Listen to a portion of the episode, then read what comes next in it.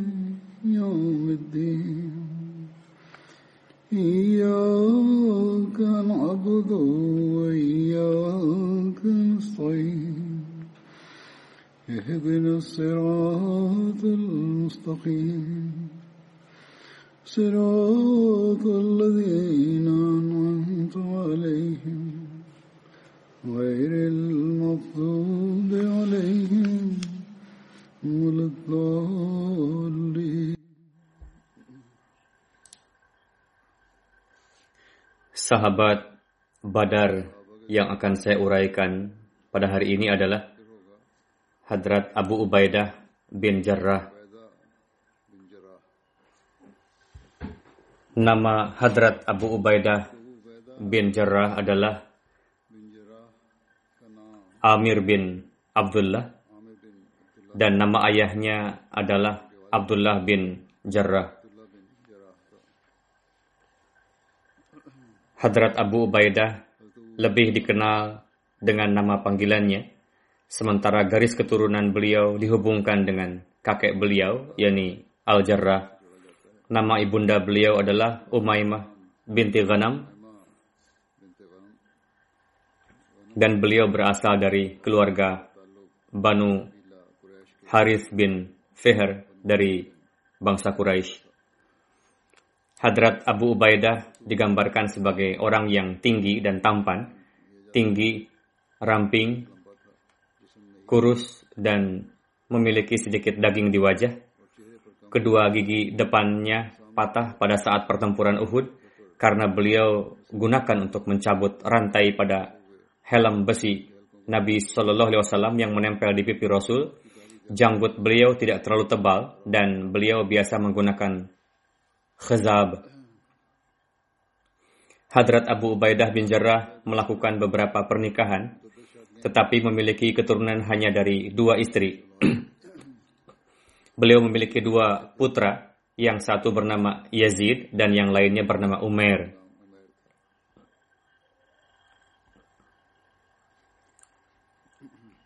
Hadrat Abu Ubaidah adalah salah satu dari sepuluh sahabat yang Nabi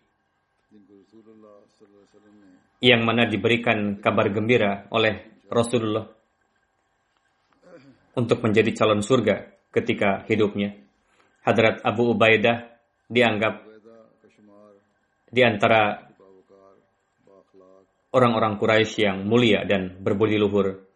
Hadrat Abu Ubaidah masuk Islam melalui tabligh Hadrat Abu Bakar. Saat itu umat Islam belum mengungsi di Darul Arqam. Hadrat Abu Ubaidah bin Jarrah adalah orang kesembilan yang masuk Islam. Hadrat Anas meriwayatkan bahwa Rasulullah Shallallahu Alaihi Wasallam pernah bersabda, setiap umat memiliki orang yang terpercaya dan orang yang terpercaya dalam umat saya adalah Abu Ubaidah bin Jarrah. Menurut hadis Sahih Bukhari dan Sahih Muslim, orang-orang Najran dan menurut tradisi Sahih Muslim, orang-orang Yaman datang menghadap Rasulullah Sallallahu Alaihi Wasallam dan meminta beliau untuk mengirim seseorang bersama mereka untuk mengajari mereka ilmu agama. Di, buah, di sebuah riwayat mereka mengatakan, kami meminta Anda untuk mengirim orang yang dapat dipercaya bersama kami. Rasulullah bersabda, saya pasti akan mengirim bersama kalian orang yang dapat dipercaya yang akan menunaikan tanggung jawabnya. Atas hal ini, Rasul memegang tangan Abu Ubaidah bin Jarrah dan bersabda, ini adalah Amin, orang yang terpercaya bangsa ini. Dia adalah Amin umat ini. Abu Hurairah meriwayatkan bahwa Rasulullah Shallallahu Alaihi Wasallam bersabda, betapa baiknya orang-orang seperti Abu Bakar, Umar, Abu Ubaidah bin Jarrah, Usaid bin Hudair, Sabit bin Qais bin Shumash, Muaz bin Jabal, dan Muaz bin Amru bin Jamu. Maksudnya Rasulullah SAW memuja, yakni memuji beliau-beliau. Suatu ketika Rasulullah menyebutkan dalam pertemuan mengenai orang-orang yang mana Hadrat Abu Hurairah memberikan contoh. Pada suatu kesempatan, Hadrat Aisyah pernah ditanya, jika Rasulullah harus menetapkan penerus setelah beliau, siapakah yang akan beliau pilih? Atas hal ini, Hadrat Aisyah ber, berkata, Hadrat Abu Bakar. Orang-orang bertanya lagi, setelah Hadrat Abu Bakar, siapa? Hadrat Aisyah berkata, Hadrat Umar. Orang-orang bertanya lagi, siapa setelah Hadrat Umar? Hadrat Aisyah bersabda, Hadrat Abu Ubaidah bin Jarrah. Ini adalah riwayat Sahih Muslim. Dalam riwayat lain, Abdullah bin Syaqiq bertanya kepada Hadrat Aisyah, siapa yang paling dicintai oleh Rasulullah di antara para sahabat beliau? Hadrat Aisyah berkata, Hadrat Abu Bakar. Orang itu bertanya lagi, siapa lagi setelah Hadrat Abu Bakar? Hadrat Aisyah berkata, Hadrat Umar. Ia bertanya lagi, siapa lagi setelah Hadrat Umar? Hadrat Aisyah berkata, Hadrat Abu Ubaidah bin Jarrah. Lalu ia bertanya, siapa selanjutnya? Perawi berkata bahwa Hadrat Aisyah tetap diam. Hadrat Mirza Bashir Ahmad sahib menulis dalam buku Sirat Khatamun Nabiyyin, di mata Hadrat Aisyah, Abu Ubaidah memiliki status yang tinggi, sehingga beliau sering mengatakan bahwa jika Abu Ubaidah masih hidup, setelah kewafatan Hadrat Umar, maka ia akan menjadi khalifah selanjutnya. Menurut sebuah riwayat, Hadrat Umar berkata pada saat menjelang kewafatan, jika Hadrat Abu Ubaidah masih hidup pada hari ini, saya akan mengangkatnya sebagai khalifah. Selanjutnya, yakni sebagai khalifah selanjutnya. Dan jika Tuhanku bertanya kepadaku, mengapa dia yang diangkat, saya akan menjawab, Wahai Tuhan, saya telah mendengar dari Nabi engkau Sallallahu Alaihi Wasallam bahwa Abu Ubaidah adalah orang yang terpercaya di kalangan umat ini. Untuk itu, saya menjadikannya sebagai pengganti saya. Ketika Hadrat Abu Ubaidah beriman, ayah beliau menimpakan banyak kesulitan kepada beliau. Beliau juga bermigrasi, yakni hijrah ke Abyssinia. Ketika Hadrat Abu Ubaidah hijrah ke Madinah, beliau melihat wajah Rasulullah dan tampak bersemangat. Hadrat Umar radhiyallahu anhu maju dan memeluk beliau. Beliau kemudian tinggal di rumah Hadrat Kulsum bin Hidam. Bukan Ummi Kulsum, tapi tinggal di rumah Hadrat Kulsum bin Hidam.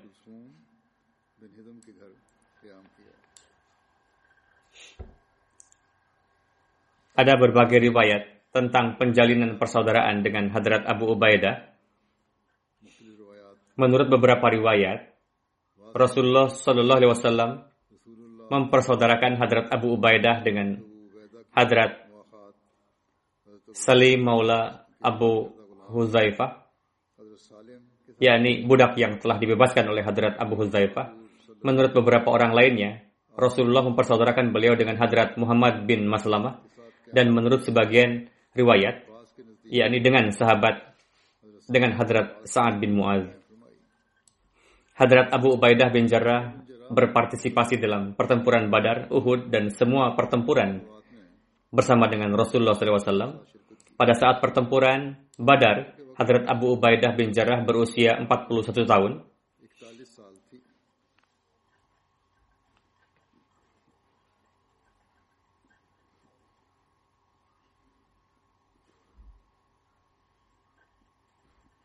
pada hari Perang Badar, Hadrat Abu Ubaidah bin Jarrah datang ke medan perang di pihak umat muslim dan ayahnya Abdullah datang ke medan perang di pihak orang-orang kafir. Ayah dan anak bertatap muka ketika perang. Sang ayah ingin mengincar putranya selama perang, tetapi Hadrat Abu Ubaidah terus mengalah dan terus menghindar ke satu sisi. Tetapi sang ayah tidak menyerah dan berusaha untuk membunuh putranya itu. Hadrat Abu Ubaidah juga berkesempatan untuk membunuh sang ayah, tetapi beliau terus berusaha menghindari sang ayah. Beliau tidak membunuhnya, dan beliau sendiri terus menghindar.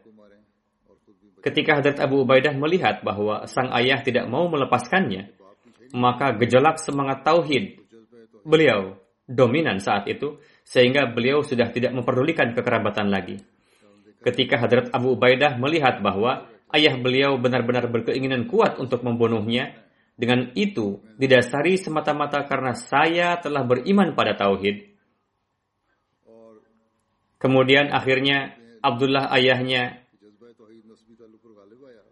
Abu Ubaidah terbunuh di tangan Abu Ubaidah, yakni beliau terpaksa membunuh sang ayah.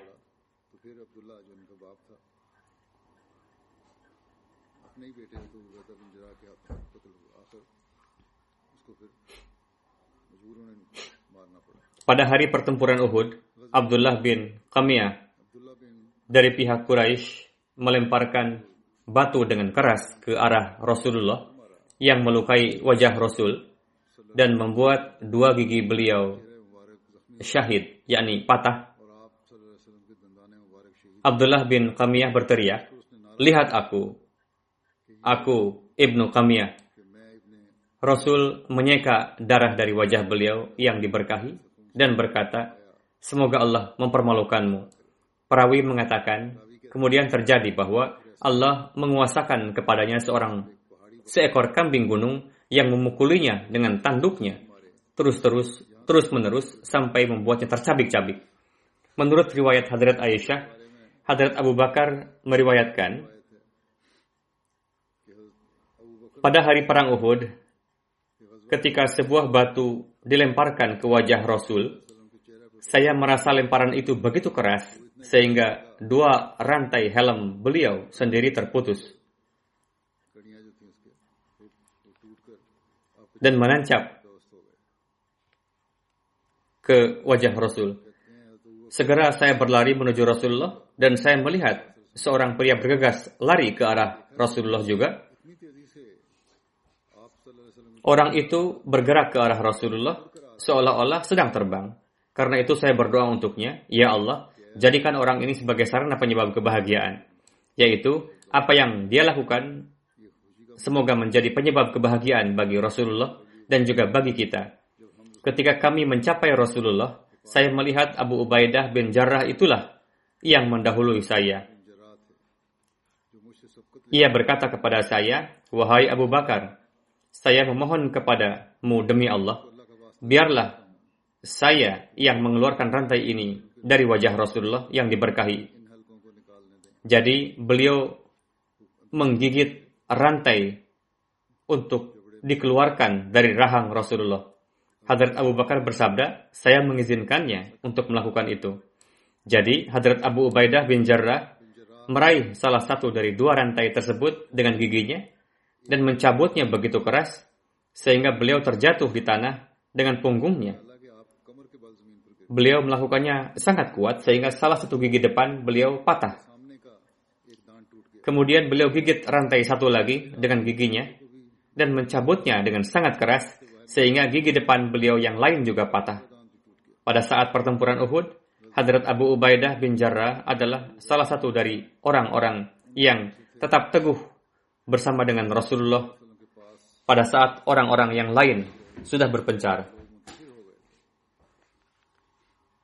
Ketika sebuah perjanjian ditulis pada kesempatan perjanjian damai Hudaybiyah di bulan Zulqa'dah, Zulqa'dah tahun ke-6 Hijriah, dua salinan perjanjian itu disiapkan dan ditandatangani oleh beberapa pejabat dari kedua belah pihak, yaitu pihak Muslim dan pihak Quraisy Mekah sebagai saksi.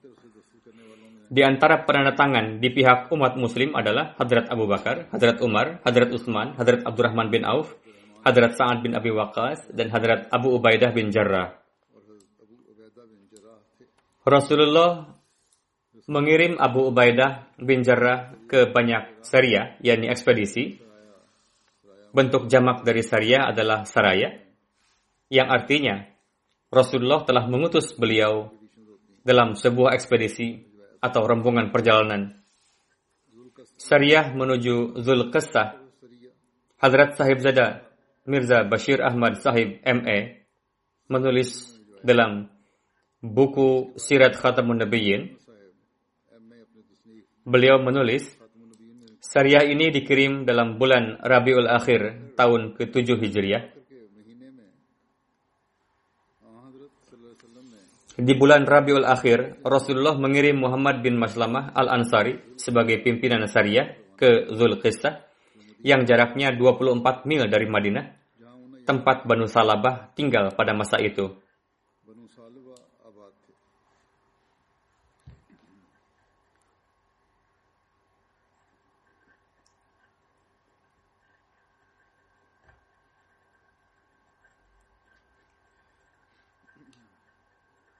Ketika Hadrat Muhammad bin Maslamah dan sepuluh temannya sampai di sana pada malam hari, mereka melihat seratus pemuda suku ini telah siap berperang.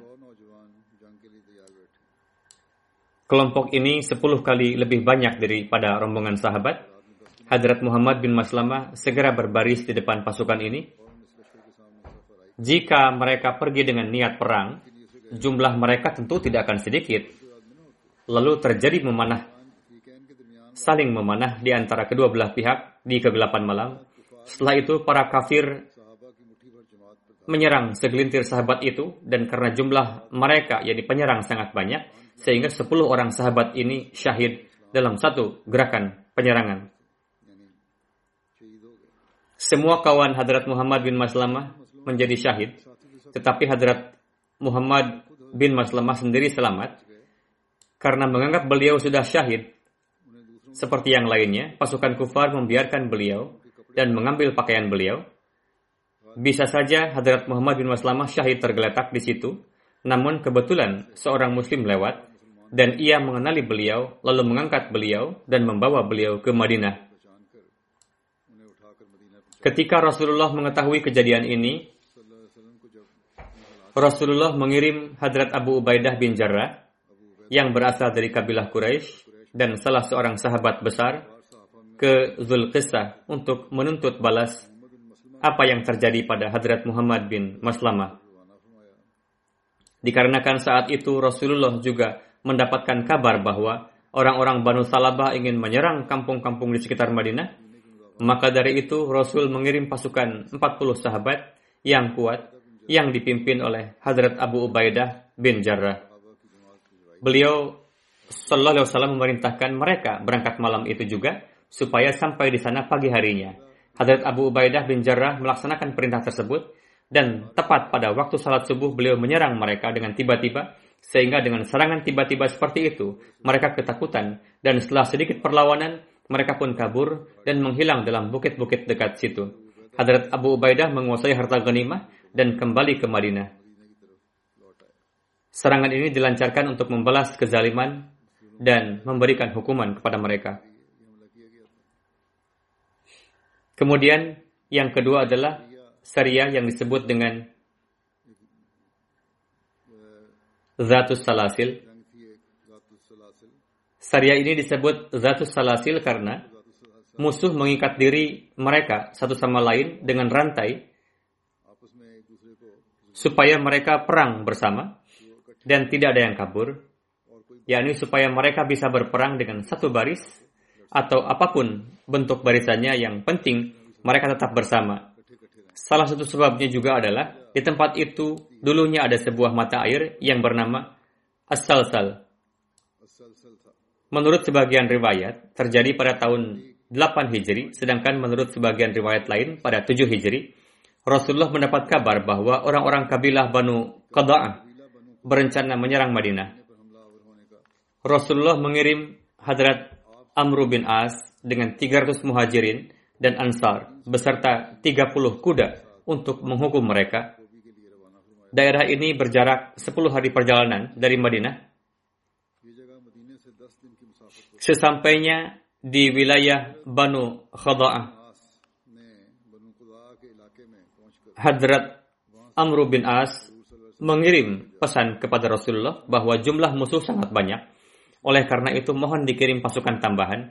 Begitu menerima pesan ini, Rasulullah mengirim 200 laskar muhajirin dan ansar yang dipimpin oleh Hadrat Abu Ubaidah untuk membantu. Rasulullah memerintahkan beliau untuk menemui Hadrat Amru dan jangan berselisih yakni apa pun keputusan yang diambil harus dilaksanakan bersama. Ketika pasukan ini bertemu dengan pasukan Hadrat Amru, maka muncullah pertanyaan, siapa yang akan menjadi pemimpin seluruh laskar? Meskipun dari sisi makom dan kedudukan, Hadrat Abu Ubaidah lebih berhak untuk menjadi pemimpin, namun ketika Hadrat Amr bin As bersikeras untuk menjadi pemimpin laskar, maka Hadrat Abu Ubaidah menerimanya dengan senang hati karena karena juga ada perintah dari Rasulullah untuk tidak berselisih. Di bawah kepemimpinan beliau, Hadrat Abu Ubaidah berperang dengan gagah berani sehingga musuh pun dikalahkan. Setelah kemenangan ini, ketika kembali ke Madinah, Rasulullah Sallallahu Alaihi Wasallam mendengar perihal ketaatan Hadrat Abu Ubaidah. Rasul bersabda, Rahimahullahu Aba Ubaidah, yakni semoga Allah Ta'ala merahmati Abu Ubaidah karena dia sudah menegakkan standar ketaatan. Kemudian Saria Siful Bahar. Semua perang ini adalah Saria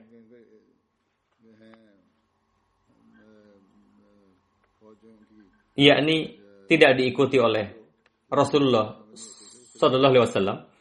Syariah ini dikirim pada 8 Hijri ke daerah pantai yang dihuni oleh kabilah Banu Juhaina. Syariah ini juga disebut dengan Jaisul Khabat. Sebab penamaannya adalah karena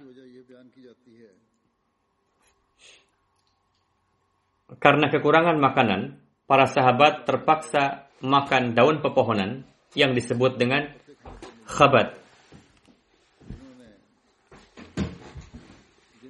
Makna lain dari khabat adalah merontokkan daun.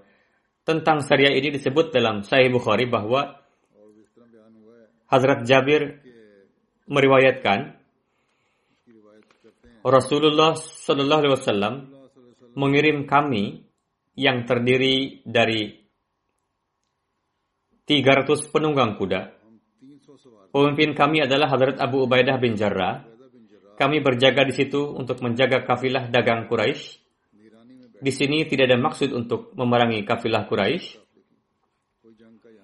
Kami bermukim di tepi pantai selama setengah bulan dan kami sangat kelaparan sampai-sampai kami makan dedaunan.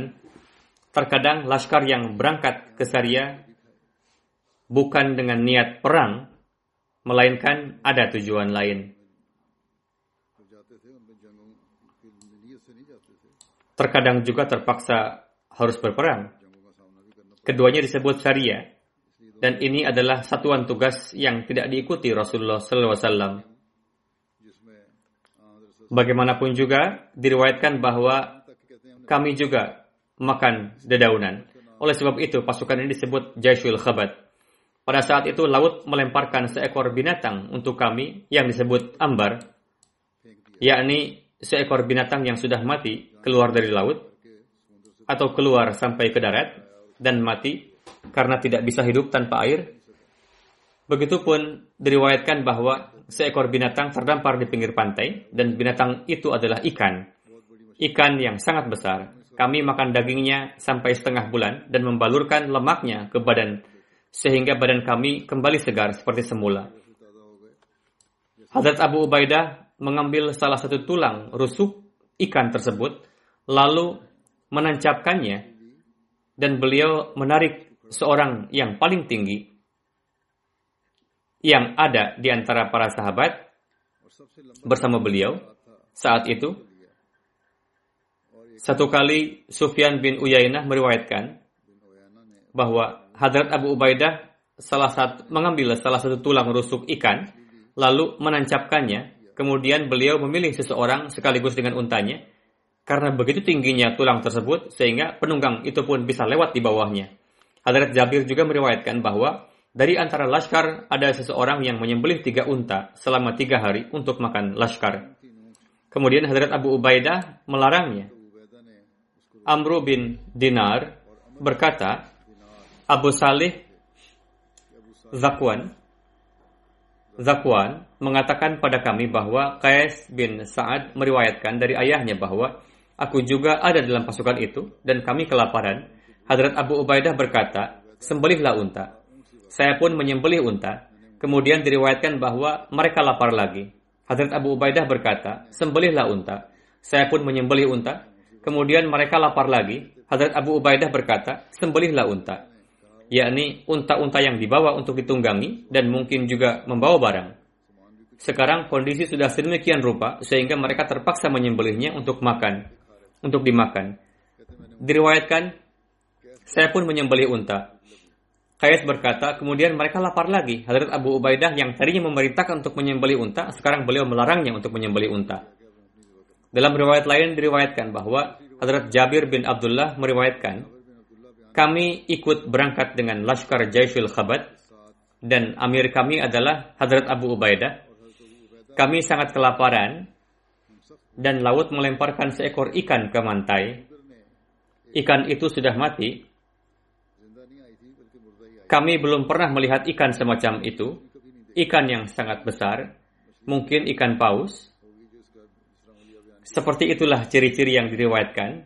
Ikan itu disebut dengan ambar. Kami makan dagingnya selama setengah bulan. Kemudian Hadrat Abu Ubaidah mengambil salah satu tulang ikan dan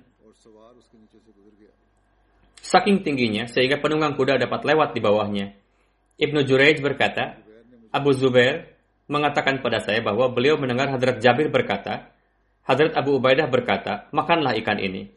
Meskipun sudah mati, tidak apa-apa, makanlah. Ketika kami sampai di Madinah, kami memberitahu tentang ini kepada Rasulullah bahwa ada seekor ikan yang sudah mati dan kami memakannya karena darurat. Rasul bersabda, makanlah rezeki yang datang dari Allah Ta'ala. Allah Ta'ala mengirimnya setelah melihat kondisi kalian. Tidak masalah kalian memakannya. Dan kalau masih ada sisanya, berikan juga kepada saya. Jika ada kalian bawa. Salah seorang dari mereka memberikan sepotong daging ikan itu kepada Rasulullah dan beliau pun menyantapnya. Jadi ketika pulang ke Madinah, mereka juga membawa sisa daging ikan itu yang kemudian juga disantap oleh Rasulullah. Hadrat Sayyid Zainul Abidin waliullah menulis berkaitan dengan Syariah Siful Bahar. Ini dalam syarahnya. Siful Bahar yang disebut juga dengan khabat yang sudah disampaikan di atas, yakni salah satu ghazwa yang tidak bertujuan untuk perang, melainkan laskar yang ikut dalam ghazwa itu dikirim untuk melindungi kafilah dagang. Menurut Ibnu Sa'ad, satuan tugas ini terdiri dari 300 muhajirin dan ansar. Hadrat Abu Ubaidah bin Jarrah, amirnya, dan ghazwa ini terkenal dengan nama Ghazwa Saiful Bahar. Siful Bahar.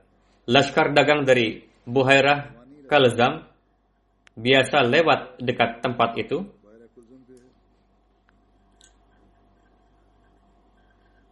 yang dekat jalan Lashkar Buhairah, Kalzam, didirikanlah posko keamanan. Jadi, dekat jalan yang biasa dilewati Lashkar dagang Buhairah, Kalzam, didirikan sebuah posko keamanan. Itulah sebabnya disebut dengan Ghazwa Siful Bahar. tujuan dikirimnya laskar ini adalah mendirikan sebuah posko di sana yang bertujuan untuk menjaga keamanan. Nanti akan diketahui siapa yang harus dijaga keamanannya. Sif artinya tepi pantai. Ibnu Sa'ad menulis secara ringkas tentang syariah ini dengan judul Syariatul Khabat. Khabat berarti daun pohon. Para mujahid terpaksa makan daun karena kehabisan bekal makanan. Ibnu Sa'ad menyebutkan bahwa peristiwa ini terjadi pada Rajab 8 Hijri dan ini adalah masa hudna, yakni pada masa perjanjian Hudaybiyah. Rasulullah melakukan antisipasi jangka panjang dan sebagai bentuk kewaspadaan, Rasul mengirim pasukan penjaga keamanan ke Siful Bahar dan mendirikan posko keamanan di sana. Pasukan keamanan ini bertugas supaya tidak ada yang menghalangi kafilah Quraisy yang datang dari Syam yakni kafilah dagang Quraisy yang datang dari negeri Syam dijaga supaya tidak ada yang mengganggu dan Quraisy tidak bisa membuat-buat alasan tentang pelanggaran perjanjian. Saat itu sudah ada perjanjian Hudaybiyah, yakni jangan sampai ada yang mengganggu mereka sehingga mereka bisa menjadikan dalih bahwa umat muslim telah menyerang kami. Maka dari itu perjanjian Hudaybiyah sudah berakhir. Supaya tidak ada dalih seperti ini, maka dari itu Rasulullah mengirim laskar ini mendirikan posko keamanan di sana untuk menjaga kafilah Quraisy. Kemudian beliau menulis, menurut Ibnu Sa'ad, tempat yang disebutkan di atas terletak sejauh lima hari perjalanan dari Madinah. Jadi ini bukan bertujuan untuk perang, melainkan laskar ini dikirim untuk menjaga keamanan orang-orang kafir sebagaimana sudah saya sampaikan sebelumnya. Inilah supaya menjaga perdamaian. Ketika sudah ada perjanjian, maka musuh sekalipun dijaga keamanannya. Supaya tidak ada alasan bagi kufar bahwa Islam melanggar perjanjian. Tapi bagaimanapun juga takdir Allah Ta'ala melakukan tugasnya. Kalaupun perjanjian ini dilanggar, maka kufarlah yang melanggarnya sehingga melahirkan Fatah Makkah. Hadrat Abu Hurairah meriwayatkan, pada hari Fatah Makkah, Rasulullah masuk ke Makkah. Rasul menunjuk Hadrat Zubair untuk memimpin satu laskar dan Hadrat Khalid bin Walid memimpin laskar lainnya. Sedangkan Hadrat Abu Ubaidah ditunjuk sebagai pemimpin laskar yang berjalan kaki dan yang di lereng lembah. Rasulullah berdamai dengan orang-orang Bahrain dengan syarat membayar pajak. Dan Hadrat Allah bin Hadrami yang ditunjuk sebagai amir bagi mereka. Rasulullah mengirim Hadrat Abu Ubaidah ke sana untuk mengambil pajak. Setelah tugas tersebut, beliau kembali dan ketika orang-orang mengetahui kedatangan beliau, maka mereka semua salat subuh di belakang Rasulullah. Setelah selesai salat, ketika beliau menoleh ke belakang, maka beliau tersenyum dan bersabda, Sepertinya kalian sudah tahu bahwa Abu Ubaidah membawa sesuatu. Orang-orang berkata, Wahai Rasulullah. Ya, wahai Rasulullah. Rasul bersabda, Berbahagialah dan berharaplah apa yang lebih baik bagi kalian saya tidak mengkhawatirkan kondisi kalian ketika mengalami kesempitan, melainkan yang kukhawatirkan adalah ketika kalian dilapangkan dengan hal duniawi, kemudian kalian berlomba-lomba untuk berbanyak-banyak. Semakin kalian larut dalam keduniawian, diberikan kelapangan harta, lalu terjerumus dalam keserakahan, sehingga akhirnya itu dapat membinasakanmu. Itulah yang kukhawatirkan. Saya tidak khawatir jika kalian kelaparan. Yang kukhawatirkan adalah jika kalian menyibukkan diri dengan keduniawian, sehingga jangan sampai kamu membinasakan dirimu sendiri dengan bersikap serakah. Ini peringatan yang harus disiapkan oleh setiap orang. Sebagaimana kita saksikan pada masa ini, disebabkan karena tidak menghiraukan hal ini, mayoritas umat muslim yang bergelimang harta, di antaranya termasuk juga para pemimpin negara-negara Islam, terdepan dalam kerakusan dan sudah sedemikian rupa parah. Memang mereka menyebut nama Tuhan, namun yang menjadi prioritas mereka adalah kekayaan duniawi dan kebesarannya. Oleh karena itu, seharusnya senantiasa mengintrospeksi kondisi diri. Sesuai dengan nubuatan Rasulullah, harta akan datang, namun disebabkan oleh harta tersebut, jangan lantas kita melupakan agama. Pada saat Hajatul Wida pada tahun 10 Hijri, Hadrat Abu Ubaidah beribadah haji bersama dengan Rasulullah. Pasca kewafatan Rasul, terjadi perdebatan di kalangan umat Islam apakah di kuburan Rasul perlu dibuatkan lahad ataukah tidak? Lalu Hadrat Abbas mengirim satu orang kepada Hadrat Abu Ubaidah bin Jarrah dan satu orang kepada Hadrat Abu Talha. Lalu diputuskanlah siapa yang datang lebih dulu di antara keduanya maka akan dibuatkan kuburan sesuai dengan yang dikatakannya. Hadrat Abu Ubaidah biasa membuat kuburan tanpa lahad sesuai dengan cara-cara yang biasa dilakukan oleh penduduk Mekah, sedangkan Hadrat Abu Talha biasa membuat kuburan dengan lahad sesuai dengan cara-cara yang biasa dilakukan oleh penduduk Madinah orang yang diutus kepada Abu Talha dapat berjumpa dengan Abu Talha, sedangkan orang yang diutus kepada Abu Ubaidah tidak dapat berjumpa dengan Abu Ubaidah. Kemudian datanglah Abu Talha dan dibuatkanlah kuburan dengan lahad untuk Rasulullah. Seketika pasca kewafatan Rasulullah, terjadi selisih pendapat di antara Ansar dan Muhajirin dalam pemilihan khalifah. Berkenaan dengan ini terdapat keterangan dalam Sahih Bukhari dan sebelum ini pun pernah saya sampaikan pada tema seorang sahabat, namun akan lebih baik jika disampaikan lagi di sini karena berkaitan dengan Hadrat Abu Ubaidah. Pasca kewafatan Rasulullah, kaum Ansar berkumpul di rumah Hadrat Sa'ad bin Ubadah. Mereka berkata, hendaknya ditetapkan satu amir dari antara kita dan satu lagi dari antara kalian, yakni muhajirin. Lalu Hadrat Abu Bakar, Hadrat Umar, dan Hadrat Abu Ubaidah pergi menemui mereka. Hadrat Umar mulai menyampaikan pidato, namun Hadrat Abu Bakar menghentikannya. Hadrat Abu Bakar, Hadrat Umar meriwayatkan, saya ingin berbicara pada saat itu hanya semata-mata karena telah mempersiapkan satu pidato yang sangat saya sukai dan saya khawatir jangan sampai Hadrat Abu Bakar tidak mampu mengutarakan poin tersebut. Namun ketika Hadrat Abu Bakar berpidato, beliau menyampaikan pidato yang luar biasa dan fasih yang mana paling unggul di antara seluruh pidato. Dalam pidatonya, Hadrat Abu Bakar bersabda, kami muhajirin adalah pemimpin, sedangkan kalian ansor merupakan pendukung. Mendengar itu, Hadrat Abu Hubab bin Munzir berkata, sama sekali tidak. Demi Tuhan, kami sekali-kali tidak akan melakukan demikian. Akan dipilih satu amir dari antara kalian dan satu amir dari antara kami. Hadrat Abu Bakar bersabda, tidak, kami adalah pemimpin dan kalian merupakan wakil. Karena dari sisi keturunan, bangsa Quraisy adalah bangsa Arab yang lebih luhur dan lebih lama daripada kalian. Lalu Hadrat Abu Bakar mengusulkan dua nama, yakni Hadrat Umar dan Hadrat Abu Ubaidah bin Jarrah. Beliau bersabda, bayatlah kalian kepada salah seorang di antara mereka berdua, yakni Hadrat Umar atau Hadrat Abu Ubaidah. Hadrat Umar berkata, tidak, kamilah yang akan bayat kepada anda, karena anda adalah pemimpin kami, dan anda adalah yang terbaik di antara kami, dan anda adalah yang paling dicintai oleh Rasulullah. Setelah mengatakan demikian, Hadrat Umar memegang tangan Hadrat Abu Bakar, lalu bayat di tangan Hadrat Abu Bakar. Setelah itu diikuti oleh yang lainnya untuk bayat.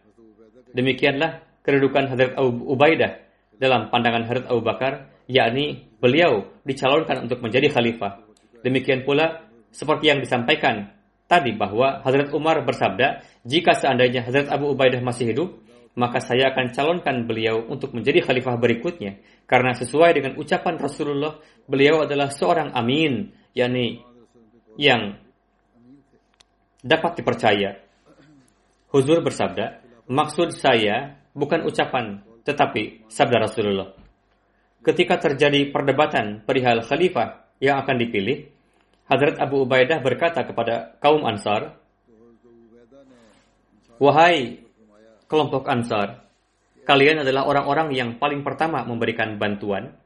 Jangan sampai sekarang kalian menjadi orang yang paling pertama menciptakan perselisihan. Setelah Hadrat Abu Bakar terpilih sebagai khalifah, beliau menyerahkan tanggung jawab untuk mengelola Baitul Mal kepada Hadrat Abu Ubaidah.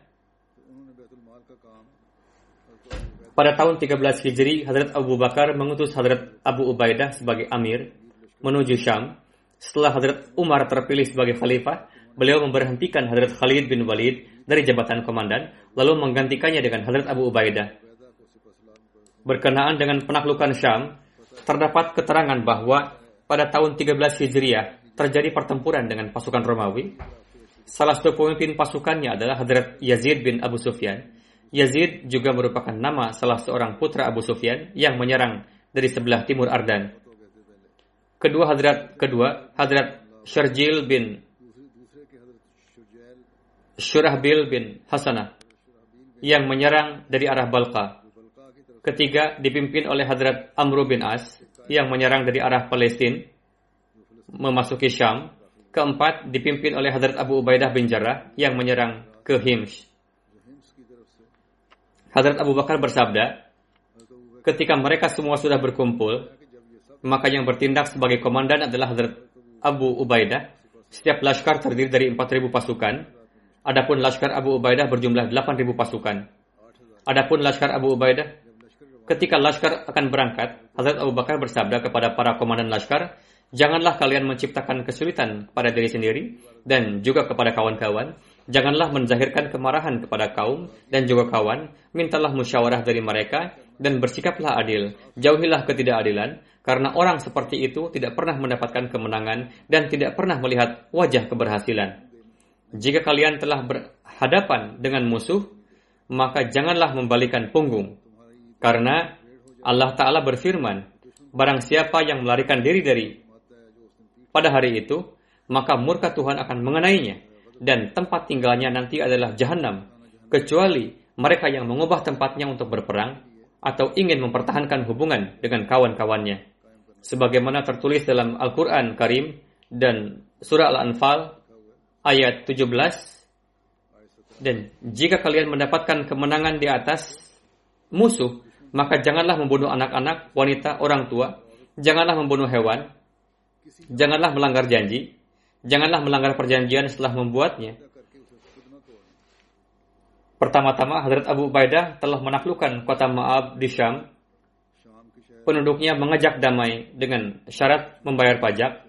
Setelah itu beliau mengarahkan tujuan ke Jabiyah. Sesampainya di sana beliau melihat ternyata Laskar Romawi telah siap untuk berperang.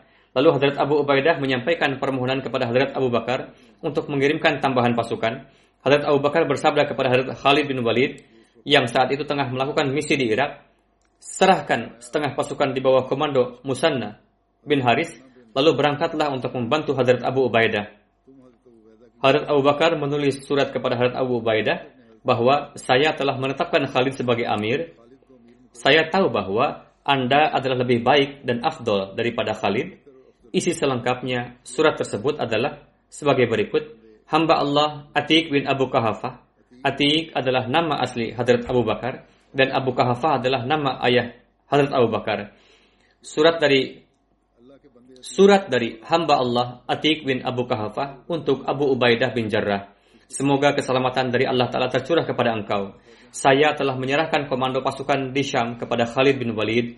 Anda diharapkan tidak menentangnya. Dengar dan taatlah padanya.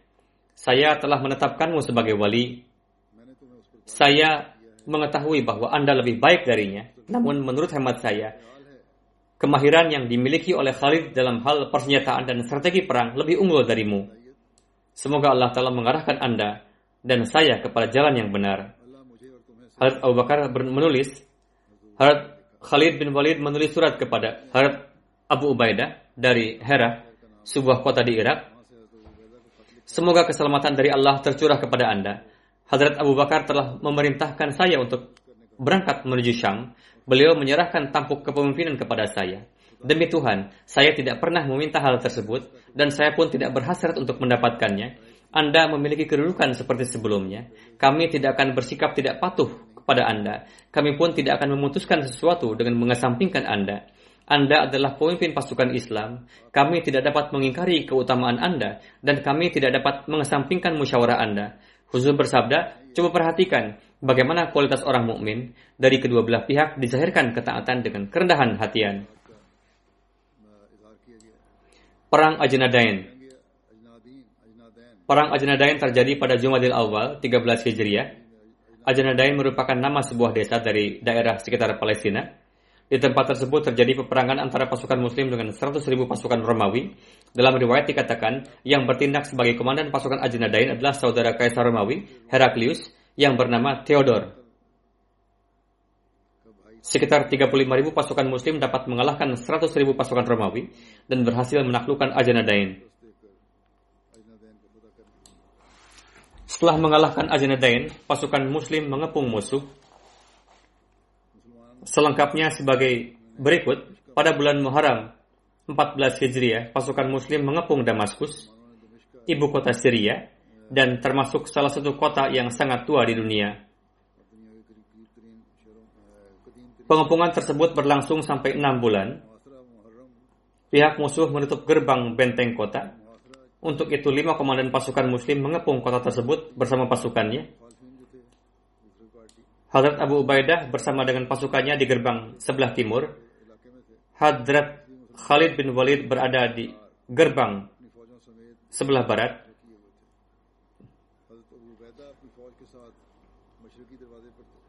Tiga komandan lainnya ditugaskan mengepung gerbang-gerbang lainnya. Pasukan Romawi secara perlahan-lahan keluar dan melakukan perlawanan, namun setelah itu kembali lagi masuk, lalu menutup gerbang. Mereka berharap Kaisar Romawi akan mengirimkan bantuan, namun kesigapan pasukan Muslim telah menghapuskan harapan itu. Suatu malam terjadi keramaian, sehingga para penjaga gerbang pun dibuatnya lali, lalai dari penjagaannya. Lalu Hadrat Khalid bin Walid bersama dengan pasukannya dapat menerobos benteng dan memasuki kota dan membuka gerbangnya. Melihat itu pihak musuh mengajak damai kepada Hadrat Abu Ubaidah yang saat itu tengah berada di gerbang kota arah lain. Namun Hadrat Khalid tidak mengetahui kabar tersebut sehingga terus melakukan gempuran Pihak musuh datang menemui Hadrat Abu Ubaidah dan memohon untuk menyelamatkan mereka dari gempuran Khalid.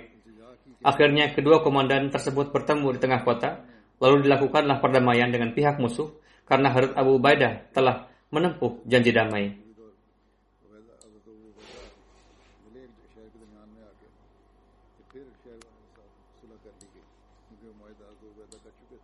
Perang Fahal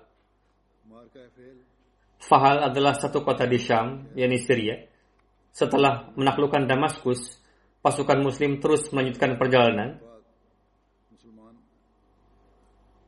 Ternyata pasukan Romawi telah berkumpul di daerah Besan, tengah bersiap-siap untuk menyerang pasukan Muslim.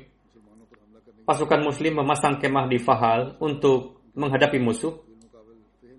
Untuk menawarkan perdamaian, Komandan Laskar Romawi mengirim dutanya kepada Hadrat Abu Hubaidah Ketika duta itu sampai di kawasan Muslim, ia melihat tidak ada tidak adanya perbedaan dan kesenjangan antara komandan dengan pasukan biasa duduk bersama.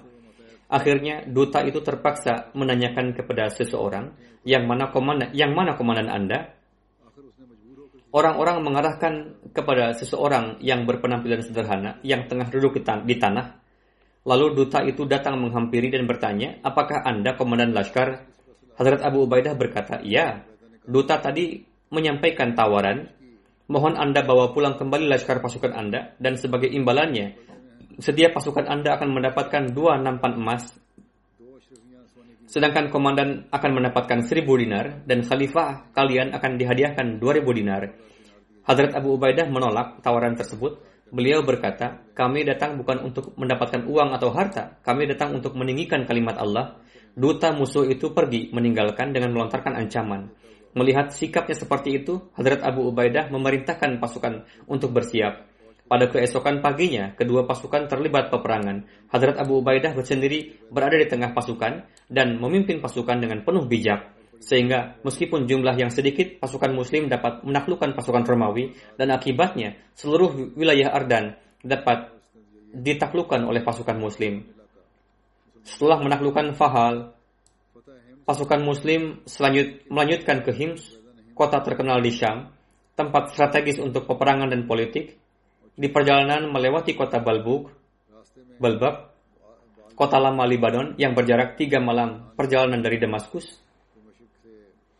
Kota tersebut merupakan markas besar penyembahan berhala. Penduduk di sana alih-alih menghadapi Hadrat Abu Ubaidah, mereka mengajukan perdamaian dan itu disetujui dengan syarat membayar pajak. Setelah itu tidak terjadi peperangan dengan mereka dan mereka membayar pajaknya dan diberikan kebebasan untuk tetap menganut agama lamanya. Lalu Hadrat Abu Ubaidah mengarah ke Hims dan melakukan pengepungan di sana. Hadrat Khalid bin Walid pun menyertai beliau Para penduduk kota mengharapkan bantuan pasukan dari kaisar. Untuk itu mereka siap untuk menghadapi pasukan muslim. Namun ketika mereka putus asa karena tidak mendapatkan bantuan dari kaisar, lalu mereka melakukan gencatan senjata dan mengajukan damai dan disetujui oleh pihak muslim. Mereka memberikan perlindungan atas nyawa dan harta mereka dengan damai dan tempat ibadah dan rumah mereka dilindungi. Mereka yang tetap teguh dalam agama mereka ditetapkan pajak atas mereka, yakni diberikan kebebasan untuk tetap teguh dalam agamanya, namun harus membayar pajak.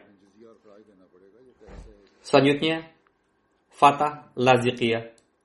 Setelah itu Laskar Islam mengepung Lazikiyah, sebuah kota di Syam yang terletak di tepi pantai dan terhitung sebagai daerah sekitar Hims.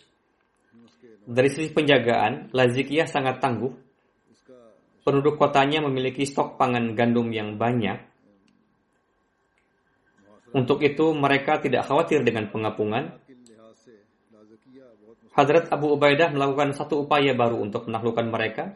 Pada malam hari, beliau memerintahkan untuk menggali lubang yang banyak lalu menutupinya dengan rerumputan. Lalu pada pagi harinya menghentikan pengepungan, kemudian berangkat ke Hims. Hal itu menunjukkan bahwa kami akan pergi, menghentikan pengepungan, dan setelah menutupinya dengan rumput, Lalu Laskar berangkat pergi. Setelah mengetahui dihentikannya pengepungan, para penduduk dan pasukan musuh merasa bahagia. Lalu dengan tenang mereka segera membuka gerbang kota. Pada arah lain, Hadrat Abu Ubaidah kembali bersama dengan Laskar pada malam hari. Mereka bersembunyi di lubang-lubang yang nampak seperti gua. Ketika gerbang kota dibuka pada pagi hari, pasukan muslim melakukan serangan secara mendadak lalu menerobos kota dan dapat menaklukkannya Kisah selanjutnya insya Allah akan berlanjut pada khutbah berikutnya. Saat ini kita harus banyak-banyak berdoa untuk para Ahmadi di Pakistan. Semoga Allah telah melindungi mereka dari kejahatan para maulwi dan oknum pejabat pemerintahan. Saat ini tengah berguncang lagi badai penentangan di Pakistan. Para pelaku hukum tidak hanya tidak mengenal keadilan, bahkan sudah kehilangan harga dirinya, mereka mengikuti apa yang dikatakan para maulwi. Menurut saya, mereka melakukan itu mungkin untuk menyelamatkan jiwanya, karena dengan begitu mungkin mereka akan tetap dapat bertahan dalam tampuk kekuasaannya, namun mereka tidak menyadarinya perlu untuk selalu diingat bahwa inilah yang akan menjadi penyebab kehancuran mereka. Adapun kita telah biasa melewati masa masa kesulitan ini sejak dulu. Saat ini pun insya Allah kita akan melewatinya dengan melihat pertolongan Tuhan. Namun jika mereka tidak menghentikan perbuatannya ini, maka kebinasaan mereka sudah dipastikan. Saat-saat ini para Ahmadi harus banyak-banyak berdoa. Semoga Allah telah menjauhkan kesulitan ini tingkatkanlah jalan pribadi dengan Allah Ta'ala, khususnya para Ahmadi Pakistan, begitu juga para Ahmadi di berbagai negara yang berasal dari Pakistan. Semoga pertolongan Allah Ta'ala segera datang, sehingga para Ahmadi Pakistan dapat terbebas dari penderitaan ini.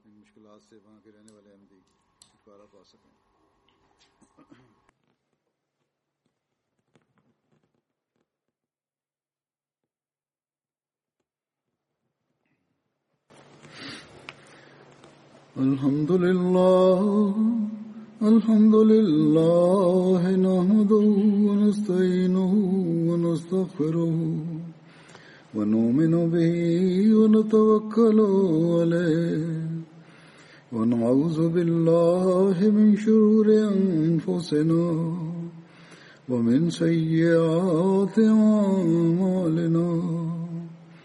من يهده الله فلا مضل له ومن يضلل فلا هادي له. ونشهد أن لا إله إلا الله ونشهد أن محمدا عبده ورسوله. عباد الله رحمكم الله. إن الله يأمر بالعدل واللسان وإيتاء ذي القربى وينهى عن الفحشاء والمنكر والبغي يعظكم لعلكم تذكرون اذكروا الله يذكركم وادعوه يستجب لكم ولذكر الله أكبر.